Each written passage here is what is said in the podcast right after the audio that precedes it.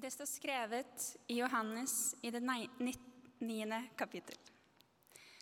Da sa Jesus, til dom er jeg kommet til denne verden, så de som ikke ser, skal bli seende, og de som ser, skal bli blinde. Noen av fariseerne som sto der, hørte dette og sa til ham, Kanskje vi også er blinde? Jesus svarte, Var dere blinde, hadde dere ingen synd. Men nå sier dere, Vi ser. Derfor blir deres synd stående. Slik lyder det hellige evangelium. Se for deg, eller tenk for deg, at du sitter rundt et bord. Enten der du studerer eller jobber, eller kanskje på kirkekaffe. Praten flyter, og stemningen er god. Og så sier du noe som skal være artig eller innsiktsfullt. Og så blir det bare helt feil. Ingen ler. Eller du blir avslørt på at du hadde misforstått fullstendig. Og når du går hjem etterpå, så tenker du på det. Og så angrer du kanskje og kjenner på hvor teit du følte deg. Og så begynner du å lure på hva tenker de andre om meg nå? Har de plutselig skjønt hvordan jeg egentlig er?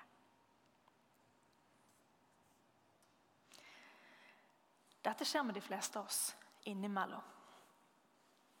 Og det er utrolig ubehagelig. Fordi det treffer oss i et av de svakeste punktene vi har. Denne frykten for å bli vurdert av de andre som ikke god nok.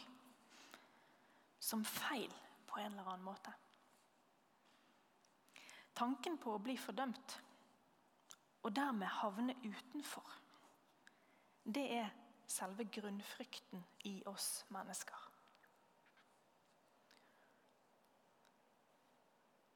Så skal jeg snakke om siste søndag i kirkeåret, der alle tekstene handler om dom. ikke det fint? Det kan jo ved første øyekast virke litt dystert. Og Hvis jeg sier ordet 'dommedag', så er det ikke usannsynlig at de bildene som dukker opp i hodet ditt, er ganske dramatiske.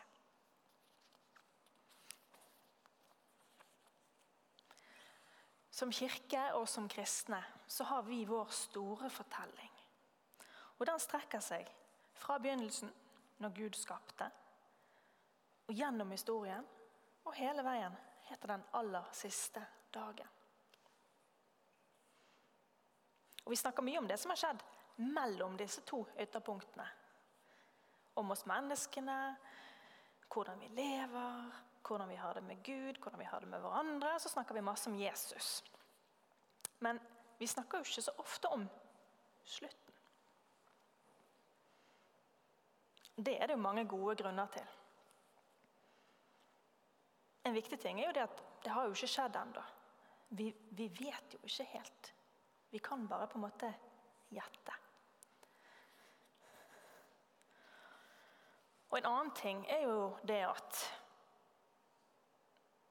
det er jo bare folk vi ikke har lyst til å sammenligne oss med, som snakker om sånt. Det som i gamle dager het svovelpredikanter. De som er opptatt av fordømmelse og hvem er utenfor og hvem er innenfor. Det er ikke noe trivelig. sant? Vi vil ikke være sånne.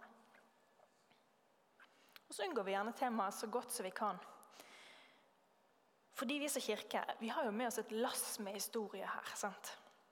Med mye kjipe ting med forkynnelse som skulle skremme folk. Masse kirkekunst, der folk med veldig god fantasi har sett for seg hvor forferdelig det egentlig skulle gå med de andre som havnet utenfor. Dere har sikkert sett mange sånne bilder. Så vi snakker veldig sjelden frivillig om dette. For det føles som at det veldig lett kan bli feil. Men hver gang vi sier trosbekjennelsen, det er jo ganske ofte, så sier vi jo faktisk Jeg tror på Gud Fader, du, du, du, tror på Jesus Kristus Skal derfra komme igjen for å dømme levende og døde. Vi sier det hver søndag. Og Det er med oss hele tiden. Men vi tenker jo ikke så ofte over det, hva det betyr.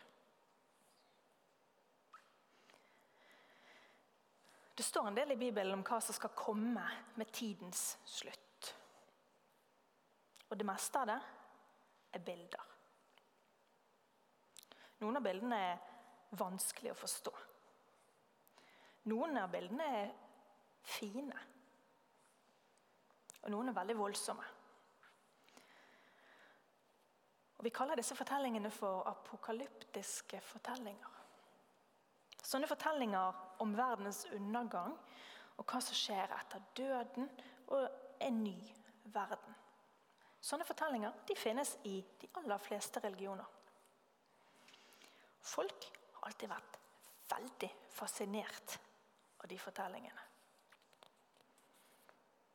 Jeg vet ikke om noen av dere en eller annen gang har forsøkt å lese den siste boken i Bibelen.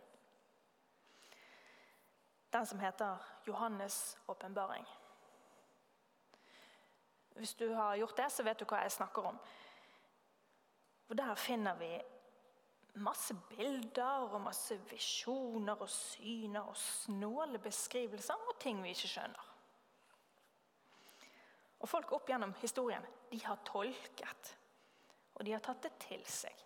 Og De har forsøkt å se samtiden inn i fortellingen. Kanskje dyret er EU? Kanskje visakortet er det? Hvem vet? Altså, Folk har hele tiden prøvd å liksom forstå sin egen tid ut ifra disse litt spesielle tekstene. Og så har de laget kunst og utbrodert. Og noe av det er kjempefint, og noe av det er kjempefælt. Og jeg tror at folk gjør det der med kanskje litt sånn skrekkblandet fryd.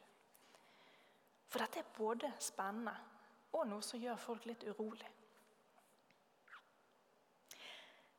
Jeg vet ikke om du har tenkt over det, men vi mennesker er fremdeles veldig, veldig fascinerte av denne typen fortellinger. Sånne digre endetidsfortellinger. For hvor mange serier eller filmer har ikke du sett som handler om tiden etter katastrofen? Tiden etter krigen, eller etter atomulykken, eller etter pesten, eller sant? Vi kan bare fortsette.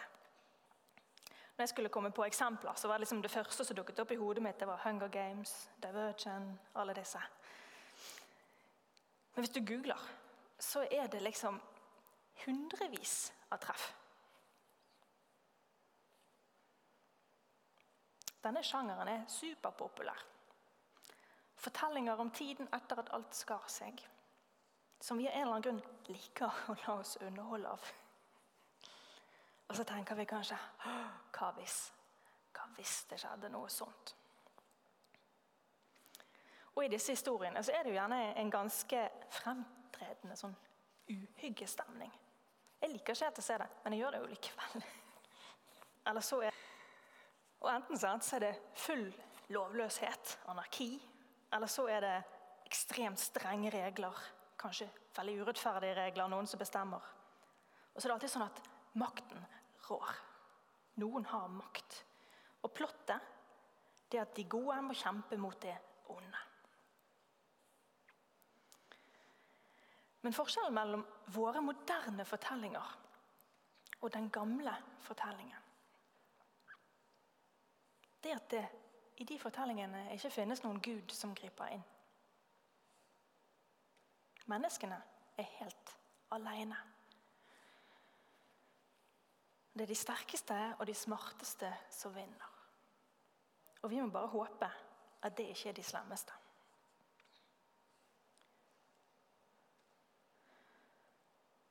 Men som kirke så sier vi noe annet. Vi sier at vi er ikke alene. Det er ikke sånn at vi skal kjempe alene og helt på egen hånd sikre vår egen framtid. Vi sier at når den aller siste dagen en gang kommer, da skal Jesus komme igjen og dømme levende og døde. Det hele skal vurderes etter Gud sin standard. Og det skal bli tydelig hva det var som var godt, og hva det var som skadet og brøt ned. Og Det kan vi kanskje tenke litt skummelt. Men vi kan òg tenke at det er bra. Det høres jo litt rart ut å si det, sant? Fordi å frykte andre sine dommer, frykten for å bli avslørt som ikke god nok, det kjennes jo ofte som det verste av alt. Så hvordan kan da en dom være noe bra?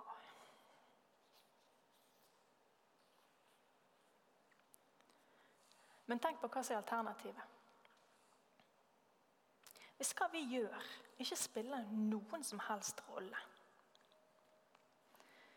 Hvis du ser for deg en verden der det ikke finnes en eneste vurdering av hvordan vi lever livene våre, eller hvordan vi behandler hverandre Alt er helt likegyldig. Er det egentlig en god verden?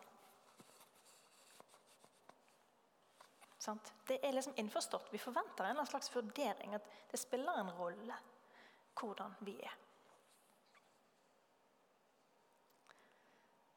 Alt annet virker veldig feil. Og Som kirke så har vi fortellinger å hvile i som gir håp. Og Jeg syns ikke det hadde vært så veldig greit hvis alt det forferdelige som har skjedd mennesker, en gang bare skal slås en strekk over. Nå glemmer vi det. Gud tilgir. Det går fint. Det var ikke så farlig. Jo, det var det. Den lidelsen vi har påført hverandre, det var farlig. Det var ikke greit. Og At Jesus skal dømme verden, det betyr at alt som har skjedd, det skal frem i lyset og så skal det vurderes. Og det er bra. For det gir oppreisning for ofrene. Og det gjelder jo alle.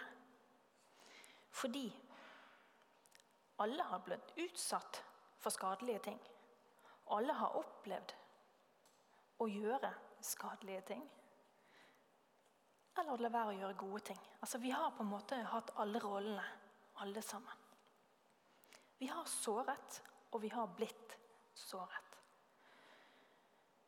Og oppgjør, det er en veldig viktig del av både tilgivelse og nåde. Og siden det er Jesus vi snakker om, som skal komme, så vet vi at dommen er rettferdig. Og den er fra en som vi kan stole på vil oss vel. Det er ikke hvem som helst. Det er jo Jesus.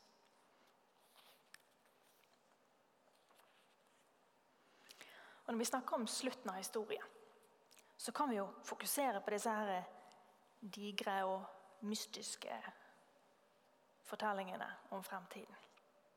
Og bli urolige og tenke 'hva hvis'? Eller vi kan velge å tenke på hva Jesus sa om seg sjøl. Og jeg tror det er lurt å fokusere på Jesus. For da husker vi at han alltid sa og alltid viste oss at vi kan ikke fortjene oss til å bli frelst. Det er ikke det vi gjør eller ikke gjør, som er det som avgjør. Det er Guds kjærlighet og Guds nåde. Og nåden kommer alltid først. Og det er vanskelig å huske på. For det meste av annet her i livet er veldig avhengig av vår egen innsats. At vi viser at vi er gode nok. Men ikke dette. Vi er elsket uansett. Og vi havner ikke utenfor når det blir avslørt hvordan vi egentlig er. For det vi er, det er Guds barn.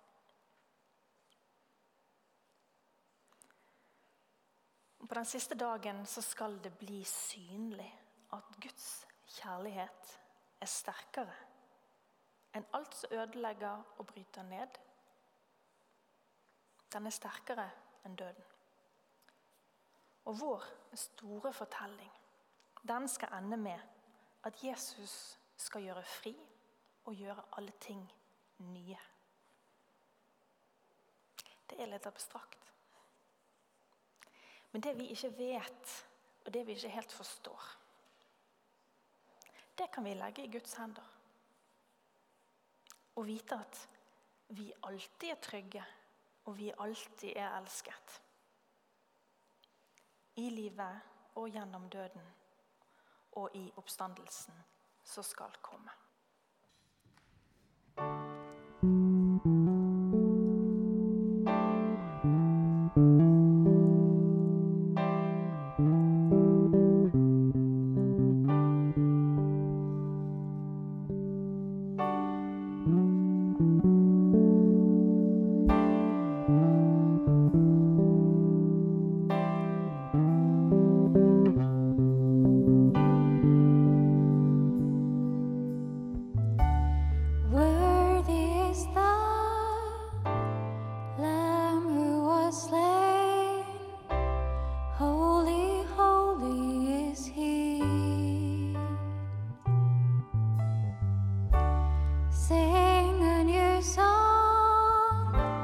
To Him who sits on heaven's mercy seat.